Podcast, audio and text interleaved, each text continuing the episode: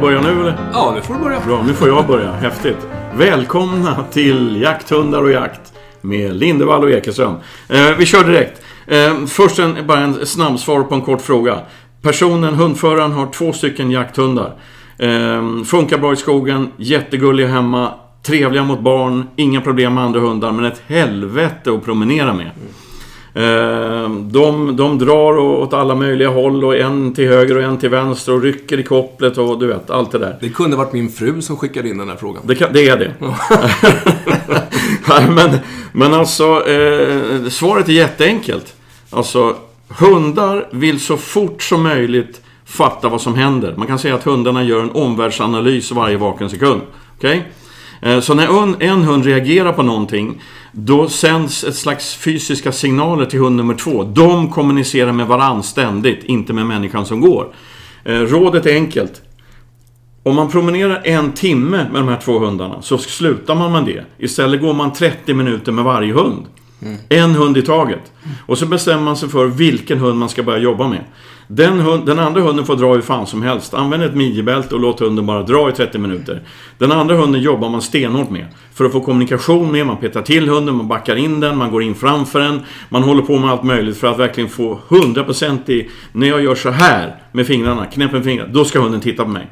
När det funkar, då jobbar man med den andra hunden. Sen när man känner att det funkar där, då går, provar man att gå med bägge två. Men det gäller att vara fokuserad på vad man håller på med. För att grundproblemet med jobbiga promenader, det är att människan tänker på mm, bolånen, trasiga bilen, arga frun, jobbiga tonårssonen och så vidare. Och inte på det han håller på med när man promen- promenerar med hunden. För när man promenerar med sina hundar, då kommunicerar man med dem. Alltså det ge fan i mobiltelefonen, lämna den här hemma typ. Eh, och jag, jag ramlar själv i den fällan då och då, att man liksom man fladdrar iväg i tankarna. Jag har ju ofta mina lösare, men fladdrar iväg i tankarna och så plötsligt, var fan är de någonstans? Eh, man måste vara med liksom på banan och är man inte på banan då är det definitiva rådet Köp ett midjebälte eller en karbinhake och sätt i det vanliga bältet. Koppla fast kopplet där och bara gå. Därför det här ryckandet i kopplet, det gör dig förbannad, hundarna oroliga, stressade, störda. Hur många kommer till mig och säger Min hund är lättare att hantera när den är lös än när den är i koppel. Jag menar, det, det är för att eh, man, man liksom inte har jobbat i koppel. Det krävs. Nej, men det är, nu är vi lite tillbaka på skomakarens barn då, men, men eh, alltså det, det är ju faktiskt som så, det var någon som sa till mig för många herrans år sedan att, att de här hundpromenaderna är ju ett, ett alldeles utmärkt tillfälle till träning. Eh, om man jobbar lite aktivt under promenaderna så har man ju igen det i många andra sammanhang också. Så att, eh, ja, var det svaret på frågan? Jag tror det. En hund i taget. Bra, nu går vi över till en fråga som är lämpad för dig mer än mig. Ehm, det är en kille som har drever som har råkat ut för det som kallas jaktödem. Den här veterinären som har kollat det här och konstaterat det här kan inte se något fel på hjärtat och så vidare. Vad orsakar jaktödem? Hur, hur jobbar man med det? Kan man göra någonting åt det och så vidare? Ja, det är en otroligt bra fråga därför att mekanismerna bakom jaktödem är ju faktiskt inte eh, helt klarlagda. Det, det vi vet är ju att bland annat, eller framförallt är det ju drevrar eh, som drabbas. Och om vi börjar med vad jaktödem är så är det helt ett, ett, det är ett vätskeutträde i lungorna. Som gör att hunden får jobbigt med andningen. Eh, Är det extremt mycket så, så kan den ja, i princip kvävas. Men, men alltså den har extremt tungt att andas och kan bli blå i, i tandköttet och så vidare. Och det beror på att det ligger en massa vätskor eh, runt lungorna som, som gör att den inte kan använda dem på ett normalt sätt. Vadå? Eh, Det blir trångt liksom? Ja, lungorna kan inte expandera sig. ehm, Det är alltså, som de andas inte- långt fram i mun, alltså korta andetag. Ungefär så. Så att de, de kan inte syresätta sig, och än mindre jaga. Och behandlingen i det akuta läget är, är ganska så straightforward eller enkel. Man, man ger vätskedrivande för att helt enkelt bli av med den här vätskan som ligger och skramlar i lungorna. Eh, och eh, och så, så repar de sig. Men sen kommer man då till den här avgörande frågan. Vad beror det på och vad kan man göra för att det inte ska inträffa igen? Jag har sett ganska många Eh, jakthundar genom åren, andra hundar också faktiskt. Det är inte bara drever som drabbas. Alla kan rent teoretiskt drabbas, men, men drever är överrepresenterade. Som har fått jaktödem vid något tillfälle, behandlats för det, fortsatt att jaga och aldrig mer haft några symptom. Men sen finns det de som då har, har eh, recidiv, alltså återfall i princip varje jakt, eller åtminstone tämligen regelbundet. Det, den vanligaste orsaken till ödem i lungorna, eller vätska i lungorna, det är ju, det är ju hjärtproblematik. Att, att eh, pumpen funkar inte som det ska, så att cirkulationen bromsas upp när den ska igenom hjärtat och så trycks det ut en massa vätska eh, ifrån blodet. Och, och så det, det man alltid börjar med att utesluta eller konfirmera, det är ju har den här hunden ett hjärtproblem? Och i det här fallet så hade hunden inget konstaterat hjärtproblem. Och det är inte ovanligt, utan det är ganska ofta som vi ser hundar med hjärtproblem utan att man vet riktigt varför de har fått det. Det man har konstaterat är att det finns en ärftlig komponent i det här. Ungefär 30% eh, av de hundar som har jaktödem har det i tidigare linjer. Mm. Så att det finns en ärftlighet. Så, så vad gör man åt det här? Ja, som sagt, den akuta behandlingen är, såvida hunden inte är jättedålig, oftast ganska så enkel. Hunden blir ganska snabbt eh, sig själv igen och funkar bra. Och sen kommer ju då den stora utmaningen, vad händer vid nästa släpp? Kommer det här komma tillbaka? Och, och i, i, slutändan hamnar man nog i det läget att du kan behandla symptomen när de kommer, men en hund som ständigt får ödem när den jagar, ja den kan ju helt enkelt inte jaga. För det kan ju gå så illa så att den är fyra kilometer bort och får ett, ett eh, jättekraftigt ödem och inte orkar ta sig tillbaks och helt enkelt drastiskt kan le och kvävas mer eller mindre. Så att en sån hund kan man ju inte jaga med, men, men många andra kan man konstatera felet, finns ett litet hjärtproblem i botten, ja då kan man sätta in hjärtmediciner. Eh, man kan ge sådana här vätskedrivande, men, men allting är ju på något sätt eh, relaterat till graden av symptom. Det är ju alltid en risk att jaga med en hund som har ett, den typen av problem. För som sagt, det kan hända när den är långt bort. Så att, så att det, det, man kan göra för att förebygga det här är att man är jäkligt noga i eh, Eh, vid, vid, vid, valet av hund. Alltså att man förhör sig ordentligt med uppfödaren. Finns det några ödem eh, eller den här typen av problematik i linjerna bakåt och, och kanske undvika dem då. Därför att det är som sagt, eh, det finns en ärftlig komponent i det här. Så att, eh, men än så länge är det ingen som har något riktigt, riktigt bra svar på varför får de ödem trots att de har synbart friska hjärtan och så vidare. Och varför är drevrarna så högt representerade? Ja, ärftligheten naturligtvis, men det är märkligt. Det här är lite kopplat faktiskt till eh, nästa fråga. Eh, och den frågan är väldigt stor. vet jag inte om vi hinner besvara idag. Men, men om man har en hund som med ödemrisk. Mm. Eh, och man, om man har 100% inkallning på den hunden. Mm. Då ökar ju möjligheten att man kan jaga en halvtimme. Eh, och inte hela dagarna. Oh. Alltså om, om ödemproblemet inte är särskilt stort. Problemet med den typen av hundar som ofta råkar ut för ödem, det är att det är så kallade jaktidioter. Mm. Att de fortsätter, oavsett om de har ont som fan och inte kan andas, så fortsätter de jaga. Mm. Eh, för nästa fråga vi tänkte prata lite om idag då, inte helt och hållet kan jag säga, för då får vi hålla på hela dagen. Det är det här med inkallning. Ja, där har vi fått ett antal frågor med, på samma tema. Frågorna är för övrigt skickade till jakthundar och jakt.gmail.com. Fortsätt gärna skicka flera frågor. Eh, och det är som sagt det är flera stycken som, som har eh, olika typer av problem, eller samma typ av problem, med att kalla in hunden. Inte helt ovanligt. Nej, och, och de två frågor som vi har plockat fram ur högen här då. Det är båda de hundarna, det är en gråhund och en blandras, eh, en gråtysk. Ehm, båda de hundarna har, där har inkallning funkat jättebra i början. Ehm, och hemma i trädgården och i köket och på ehm, vad det nu kan vara, Brukshundsklubben eller någon annanstans. Där har, där har inkallningen funkat jättebra och sen har hunden börjat jaga och man har börjat skjuta vilt för hunden och då är den här inkallningskunskapen hos hunden som bortblåst. Eh, det tycker inte jag är särskilt konstigt. Därför att hundar lever efter ett belöningssystem kan man säga. Alltså de, de, eh, de gör det som de har jättemycket vinning av för tillfället. Eh, och att stå om man liksom har tränat inkallning med, med godis till exempel på gräsmattan hemma bakom huset. Ehm, den belöningen hunden får där, den är inte värd ett skit när hunden gör det som den är född att göra. Det den älskar att göra. Det som är den absolut bästa belöningen hunden kan få. Nämligen att jaga. Då väljer hunden. Det är inte så att en att hund... Jag hör ofta det att till exempel en ras som tyskterrier, de blockerar sig. Det tror inte jag alls. Utan också tyskterrier som alla hundar, de väljer. Eh, de väljer att göra det som, som de vill göra, det som ger bäst belöning för tillfället. Så att eh, jag tror man måste tänka lite logiskt alltså. Man måste själv bli en riktig belöningsmaskin för hunden. Man måste, man måste mm, bli så intressant att vara uppmärksam på att hunden väljer att göra det jag vill att den ska göra. Um, och gör man rätt från början då, tycker jag, då gör man som jag gör. Ehm, från början så brukar det där funka även när hunden jagar. Men finns det någon möjlighet att backa bandet? För det handlar de här två frågorna om. Går det att få en hund att börja komma på inkallning igen efter att den slutat göra det? Ehm, och som jag ser det är svaret nästan alltid ja. Man kanske inte får 100% inkallning men det kommer definitivt bli bättre. Man måste backa bandet. Man måste låtsas att hunden är åtta veckor gammal, även om den är fyra år. Man börjar i koppel, man börjar i långlina, man, man eh, gör sig själv jätteintressant. Observera, inte bara med hjälp av köttbullar. Utan fundera på situationer där hunden vill göra det som den absolut vill göra. Och så ser man till att hunden får den belöningen genom mig. Ett enkelt exempel är ju om hunden älskar mormor och mormor kommer in genom dörren då hunden är på väg fram mot mormor. Ja, var då den som ser till att hunden får hälsa på mormor.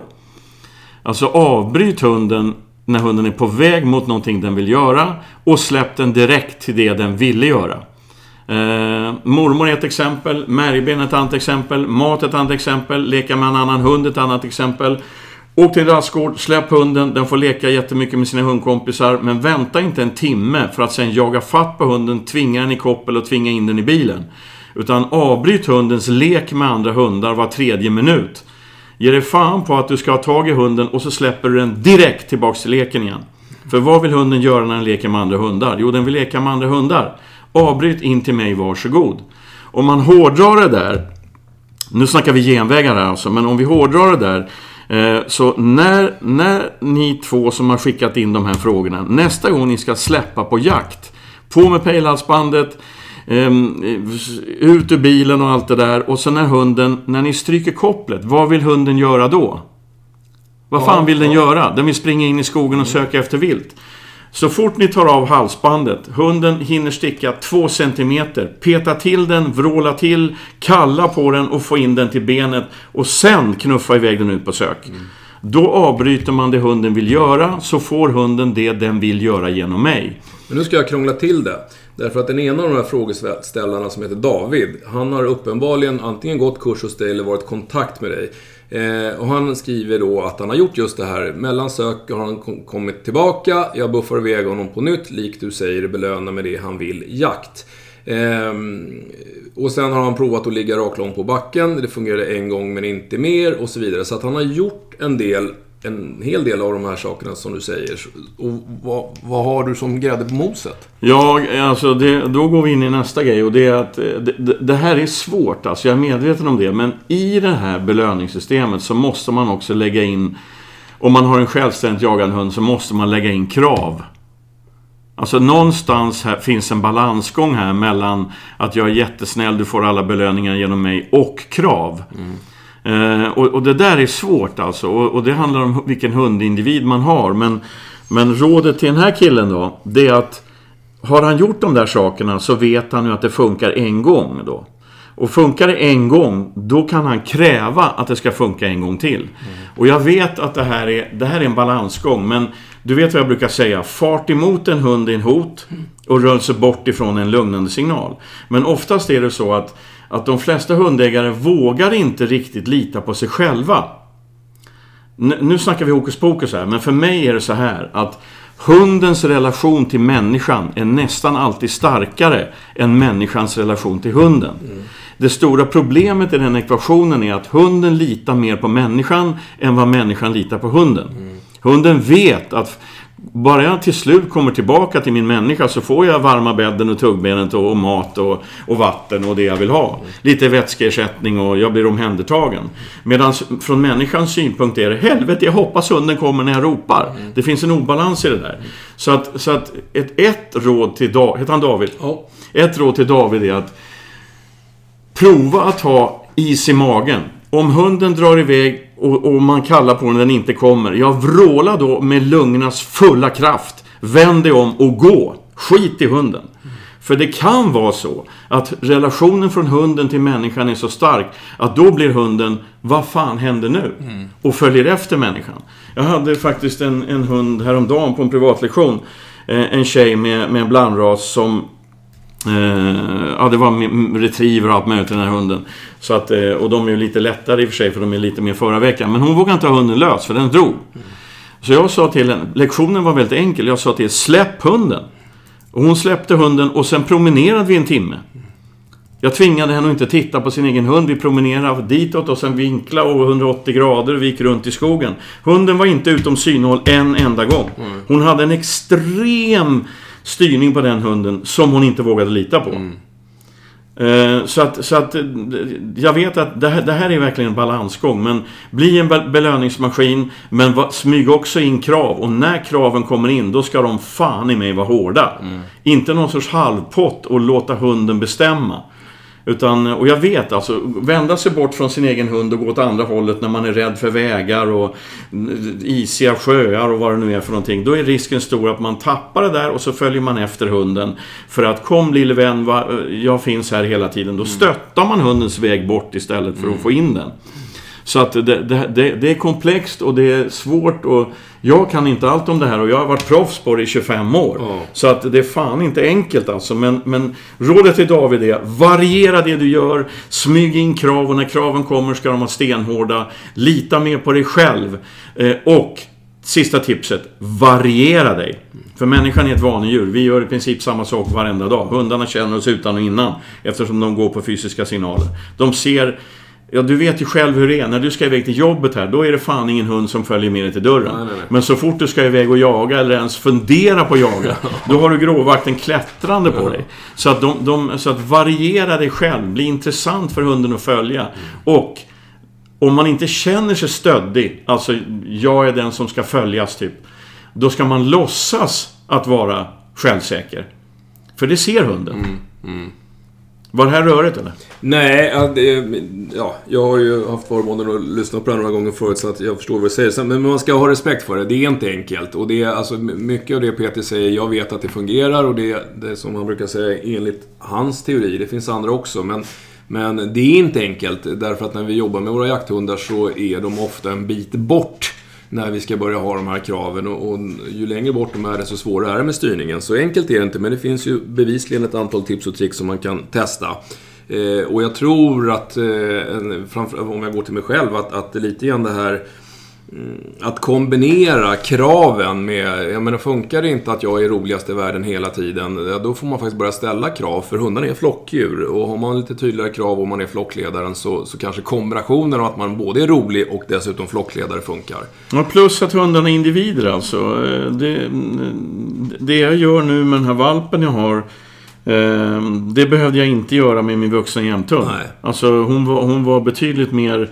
Mm, alltså hon är dominant och hård som, som hund betraktat men i flocken är hon mjuk. Nu står, du, nu står den här mesigaste vakten här bredvid och bara vill bli killad och gullad med också. Så att hon är inte så hård den här tjejen. Eh, bra, jag tycker vi gör så här. Vi tar en liten kort paus. För sen så kommer ett ämne som jag kan prata lite grann om då. Som, som är vanligt. Och det är hältor. Eh, och vi kommer naturligtvis komma in på artroser. Vi har berört det förut men vi får många frågor om det. Så jag ska försöka utveckla lite mer. Men vi kör en paus först.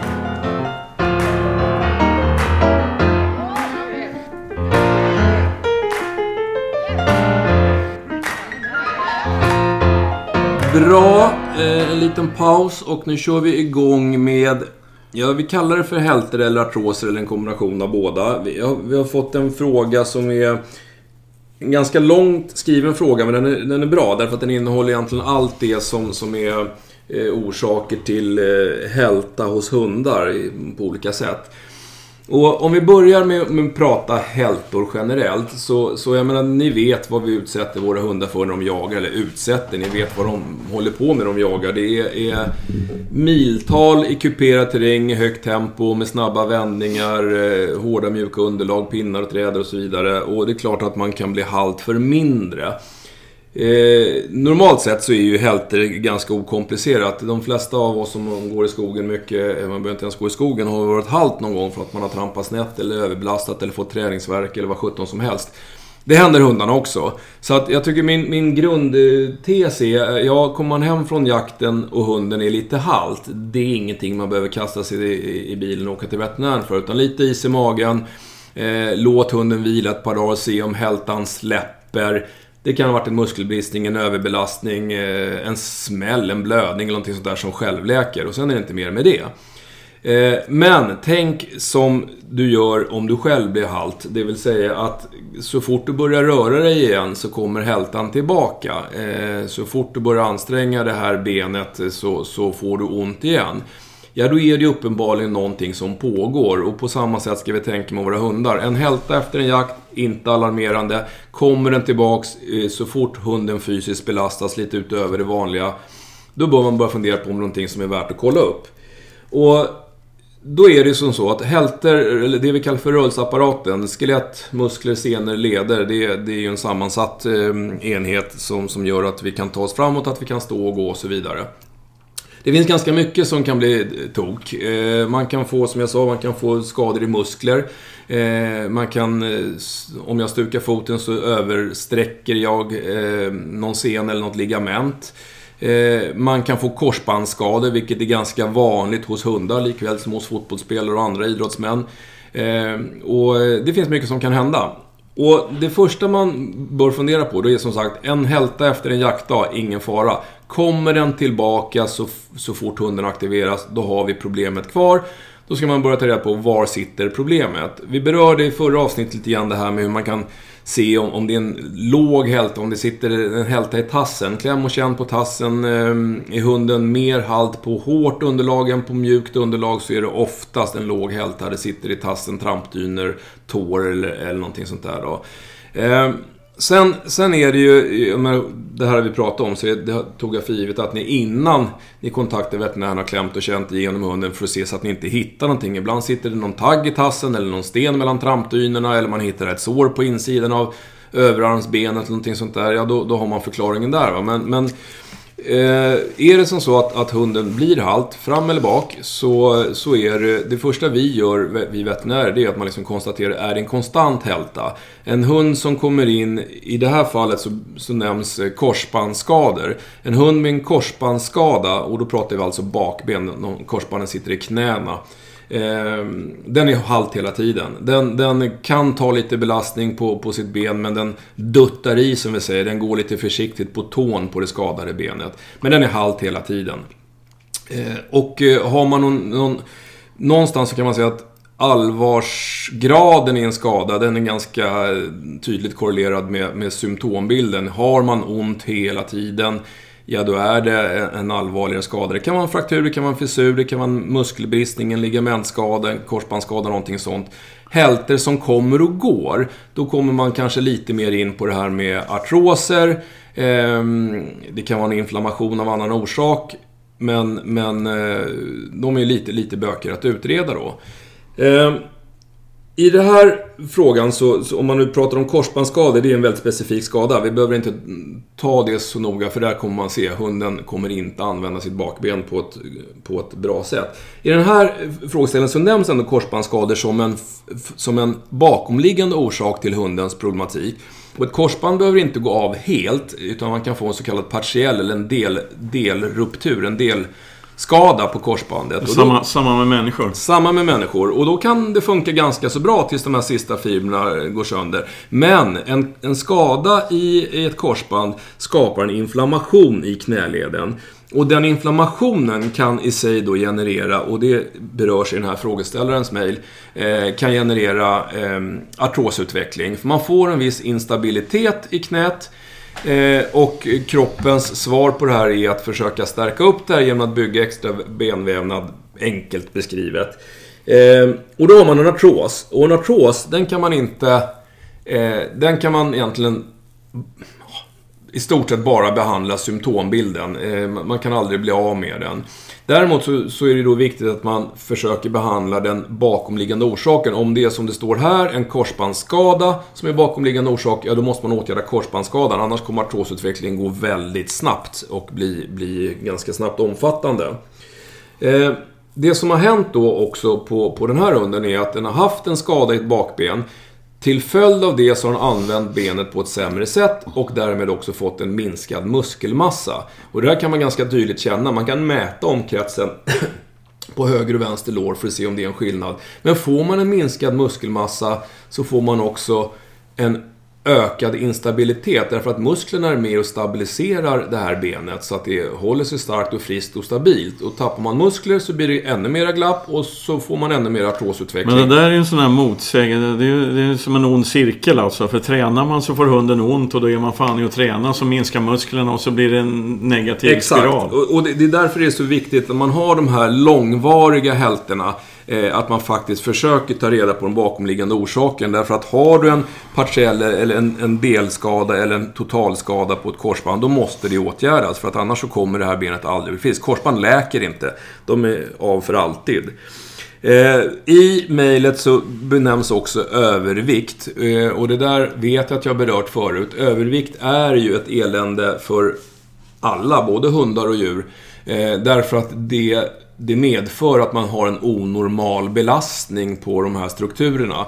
Vår kropp är byggd från typ, ja men vi pratar om BMI, vi är byggda för någon typ av normal eh, vikt som är anpassad till vår skelett och rörelseapparats storlek. Har man en massa extra kilo så utsätts leder, muskler, ligament, senor och så vidare för en belastning som den inte är tänkt att utsättas för.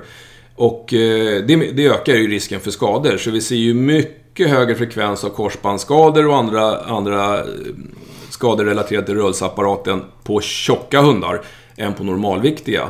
Så att, så att, eh, och jag har sagt det förut att enkelt beskrivet så brukar man säga att ledproblem eller, eller eh, artroser, alltså det, det uppstår på grund av en onormal belastning i en normal led.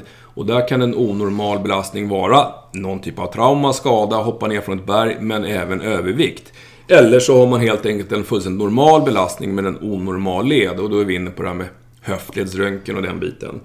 Ehm, så att sammantaget då, för sen en sak till som står här eh, och det är att, att ehm, nu när det börjar bli kallt, skriver frågeställaren, så är symptomen tydligare och det är klassiskt. Alltså artroser framförallt, de ger sig mer till känna eh, kallt, rått, fuktigt väder en torr, varm sommar. Så att det är inte ovanligt att, och vi jagar ju under den säsongen, så det är inte ovanligt att hundarna funkat jättebra under sommaren och så kommer jakten igång och så blir den mer och mer besvärlig. Kanske inte bara jakten, det kan också vara en klimatfråga. Så, så eh, vad gör man med artroser då? Ja, man gör eh, flera saker. Man behandlar symptomen. Eh, man kan behandla med så kallade glukosaminer som är fodertillskott. Sim är jättebra därför att då tränar man muskelmassa utan att belasta leden. Man har alltså ingen tyngd på leden. Därför att det är tyngden på leden som gör ont och har man ont så använder man benet sämre. Men flyter man runt i vatten så kan man använda musklerna fullt ut utan att det gör ont i leden. Och sen finns det alla den här typen, det vi kallar för NSAIDs, alltså medicinska preparat som, som man kan ge vid behov eh, eller under en period. Men sammanfattningsvis då, har man en hund som varje gång den har jagat eller utsatts för större fysisk påfrestning så blir den jäkligt stel dagen efter eller morgonen efter och sen så rör den sig ett tag eh, och då ser man hur det här släpper. Den har med stor sannolikhet ett artrosproblem i en eller flera leder. En hund som kommer hem och är halt och sen så blir den bra eh, efter ett par dagar och sen så ser man ingen mer hälta, då kan man ha is i magen. Eh, sen, sen alltså jag har sagt det förr, jag säger det igen. Börja med att kläm och känn. Böj en led i taget, kläm på en led i taget. Se om hunden reagerar någonstans. Därför att kommer ni till veterinären och säger att han har jätteont när jag böjer höger armbåge. Så, så ehm, är det en stor hjälp. Eh, och, och ju mer ni kan beskriva problematiken för veterinären om ni behöver gå dit, desto lättare är det att komma fram till en bra diagnos. För ni ser hundarna dagligdags. Vi ser hundarna under en artificiell konstgjord manöver. Eh, så att, så att all information som man har med sig till veterinären är bra. Men, alltså, men, men det där med att känna på, på, eh, på leder, det handlar väl om att sträcka ut leder va? Ja, sträcka och böja. Eh, så att, eh, jag menar, tar man fram benen så börjar man upp i bogen, axeln. Och du har ju ont i en axel nu, den här så kallade rotatorkuffen. Det är ganska komplicerat på en hund också. Man sätter handen bakom armbågen, trycker benet framåt. Du ska i princip kunna få upp, eh, ja, så att den ska vara höjd med nosen, frambenen är framåtsträckt. Då har du sträckt ut bogen. Sen tar man tag i armbågen och böjer benet bakåt så att armbågen kommer upp mot ryggen. Eh, då har man liksom kollat bogen. Armbågen den kan man ju böja, den ska i princip gå och vika dubbel och man ska kunna sträcka ut den till 180 grader. Och sen har man då eh, Eh, handleden eller carpus som man, och så tar man tårna. Sen på bakbenen samma sak där, sträck benet, ta tag i knät, sträck bakbenet maximalt, rakt ben bakåt. Eh, och så gör man samma sak med knä. Så man liksom kan ta en led i taget och man kommer märka, om hunden har ont, så kommer man känna att den stretar emot. Den vill inte att man sträcker bak bakbenet, den kanske rent av piper eller vrider runt på huvudet eller börjar smacka med tungan och visar tydligt att den har obehag. Då har man kommit en bra bit på väg. Då vet man lite grann att här har vi ett problem. Och sker det där efter varje jakt. Du har ju nu lite artrostendenser på din eh, jämte. Eh, och, och, det var ju ganska tydligt när vi laborerade med henne här för några veckor sedan. Eh, de är inte på något sätt dramatiska eller alarmerande, men, men det finns där. Och, och det är bra koll på det, för då kan man liksom se till att förebygga. Vara noga med vikten, noga med aktivitetsnivån, simma om man kan. Eh, men, men att man vet man om det så kan man liksom hjälpa till, men du kan inte bota det. Men det är schysst med hundar också när det gäller vikten, för att det är ganska enkelt. Eh, hundar blir inte tjocka på luft. Nej, så är det. Det är väldigt enkelt att styra upp alltså. Ja. De, det svarar ju blixtsnabbt ja. om man drar ner maten. Ja. Eh, så är det ju. Hundar har en tendens att inte smita iväg och sno en hundring ur fickan och gå och köpa godis. Nej. Så att man kan, man kan ha koll på det där. Håll dem i vikt. Och återkommande hälter bör kollas upp. En hälte efter jakt som släpper av sig själv, den är sannolikt inte nå någonting värre än om vi trampar snett och tar det lugnt några dagar. Du, nu har vi gått över en halvtimme, men jag tänkte i alla fall ta en sista eh, fråga då. Yes. Eh, så är vi klara med den, för att eh, den är väldigt välformulerad den frågan. Den kommer från Lovisa och Björn, de har en blandras. Eh, som består av 75% plott och 25% karelsk björnhund. Eh, det är världens godaste och härligaste hund. Eh, som... Det kommer ett men nu hör jag. Nej men alltså de, har, de köpte henne för, för framförallt för vildsvinsjakt. Eh, och när det gäller eftersök så funkar det jättebra. Det framgår inte hur gammal hon är, men de, de, de, köpte hunden för drygt ett år sedan. Jag vet inte om de köpte den som valp eller som halvvuxen hund. Hur som helst så låter det som omognad det här. Eh, hunden funkar bra på eftersök. De har skjutit flera vildsvin, skadade vildsvin på ståndskall. Eh, för henne. Hon raggar som hon ska. Hon jobbar med det fällda viltet som hon ska. Men hon har inte riktigt malla i påsen för att eh, stanna kvar och jobba eh, envist med friska vildsvin. Eh, och då, då snackar vi 30 sekunder och sen springer hon tillbaka till husse och matte och lite sådär. Eh, det, det ser jag som omognad. Först, fortsätt jaga vildsvin. Ehm, håll lite koll, försök hålla lite koll på vad det är för grisar som finns i skogen. Alltså i slutet på januari när det är smågrisar överallt och stora arga suggor så kanske man inte ska släppa en orolig unghund. Eh, just där då. Men, men sen har de ett annat stort problem och det är att den här blandrasen som är tänkt att jaga vildsvin, stark, stor, snabb, mycket jaktlust, jagar också rådjur. Mm. Eh, och det framgår inte i frågan hur de har jobbat för att bli av med det. Men förmodligen eftersom som Lovisa och Björn beskriver hunden som go världens godaste och härligaste hund. Så kanske man inte riktigt har ställt krav då i det här fallet. Eh, mitt råd är ganska enkelt. Ehm, mm, ha hunden i bilen, en täckt bur, hunden får inte se ut. Ni kör ut i gryningen, ni ser tre rådjur på en klövvall någonstans. Öppna bildörren, skräm bort rådjuren. Då har man en flyktlöpa. Eh, sen tar man ut den här blandrasen ur bilen. Man går med hunden i koppel mot den här flykt, flyktlöpan med, observera, vinden i ryggen.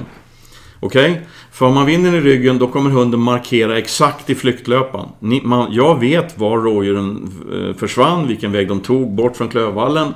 Jag går mot det här med vinden i ryggen och så fort nosen åker ner i backen då talar jag hundspråk. Det vill säga, jag skriker inte, vrålar inte, utan jag hoppar in... Så fort hunden åker ner i backen så hoppar jag in framför hunden. Stirrar på hunden och tvingar hunden bakåt. Jag mosar hunden bakåt i kort koppel. Stirrar på den och mosar den bakåt. Och har man då en bra feeling med sin hund som de här två hundförarna definitivt har när de beskriver sin hund. Då kommer de få ett svar blixtsnabbt. Mm. För våldsam fart emot, utan att ta i hunden alltså. Det är en extremt hård fysisk, alltså signalkorrigering kan man säga. Eh, så när de gör det så kommer hunden att blinka med tungan, sänka öronen, svansen sjunker, hunden blir låg. Mm. Man fortsätter ytterligare några meter så man verkligen trycker till hunden mentalt. Sen säger man ingenting. Man får absolut inte stanna där och säga du är duktig du. Utan man tvärvänder utan ett ord och går tillbaks mot den här flyktlöpande rådjuren just sprang. Har man gjort rätt och har bra vibbar med hunden så kan man gå slalom över den här flyktlöparen och hunden kommer inte stoppa ner nosen i backen. Mm. Om den gör det så gör man om samma teknik en gång till. Mm. Eh, så gör man det eh, ett antal gånger. Då har man talat om för hunden att det här är ta mig fan förbjudet. Mm. Och det har man gjort på hundspråk. Mm. Man har inte skrikit, man har inte slagit, man har inte vrålat, man har inte ja, belönat eller korrigerat i fel läge. Utan man har korrigerat exakt i rätt läge på ett språk som alla hundar förstår. Mm. Nämligen det fysiska signalspråket. Och har de den här vibben som de beskriver nu och dessutom letar reda på vildsvinslöper eh, som de ger hunden så kommer hunden sluta jaga rådjur. Ja.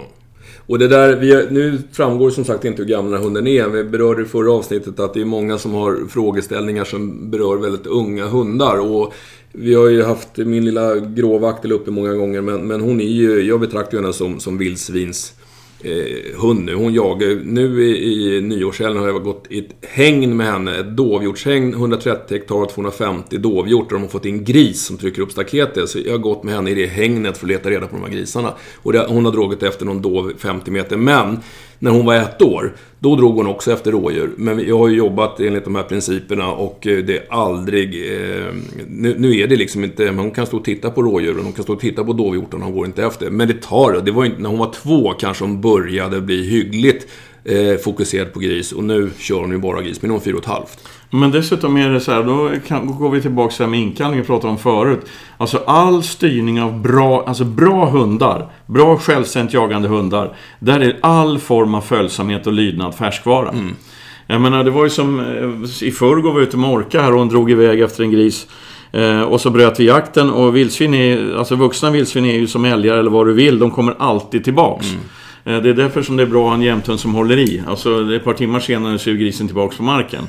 Men jag skulle blåsa av henne, jag, jag åkte, eh, liksom, jakten var avbruten, jag åker dit, jag är 300 meter ifrån, jag visslar och hojtar. Och jag ser på pejlen att hon stannar, sen skiter hon i att husse ropar. Mm. Och det är inte för att hon är olydig utan för att det är en bra hund. Mm. Då, då, plötsligt måste jag lägga en jävla tryck på henne. Springa som en idiot in i skogen. Och du känner ju Orka, hon är ju lydig mm. verkligen. Mm. Men när, när, när, när veckorna går och hon bara får jaga och jaga och allting funkar, då släpper det liksom. Hon bestämmer själv.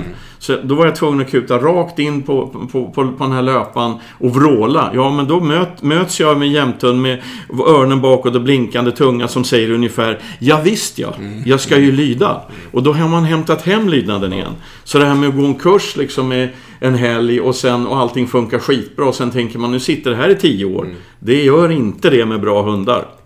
Så sammanfattningsvis, se till att göra en hundkorrigering när hunden visar intresse för något annat vilt, i det här fallet rådjurslöper då. Så gör en tydlig hundkorrigering, belöna, se till att hunden är med på sommarjakterna på natten på gris och får med och ragga och bita sig. Det, har, vi, har vi tur så är, är hunden ett år gammal och då finns det gott hopp om att det här kommer att funka så småningom. Just det, men allt det här gäller om någon frågar oss. Tack för idag hörni, hej!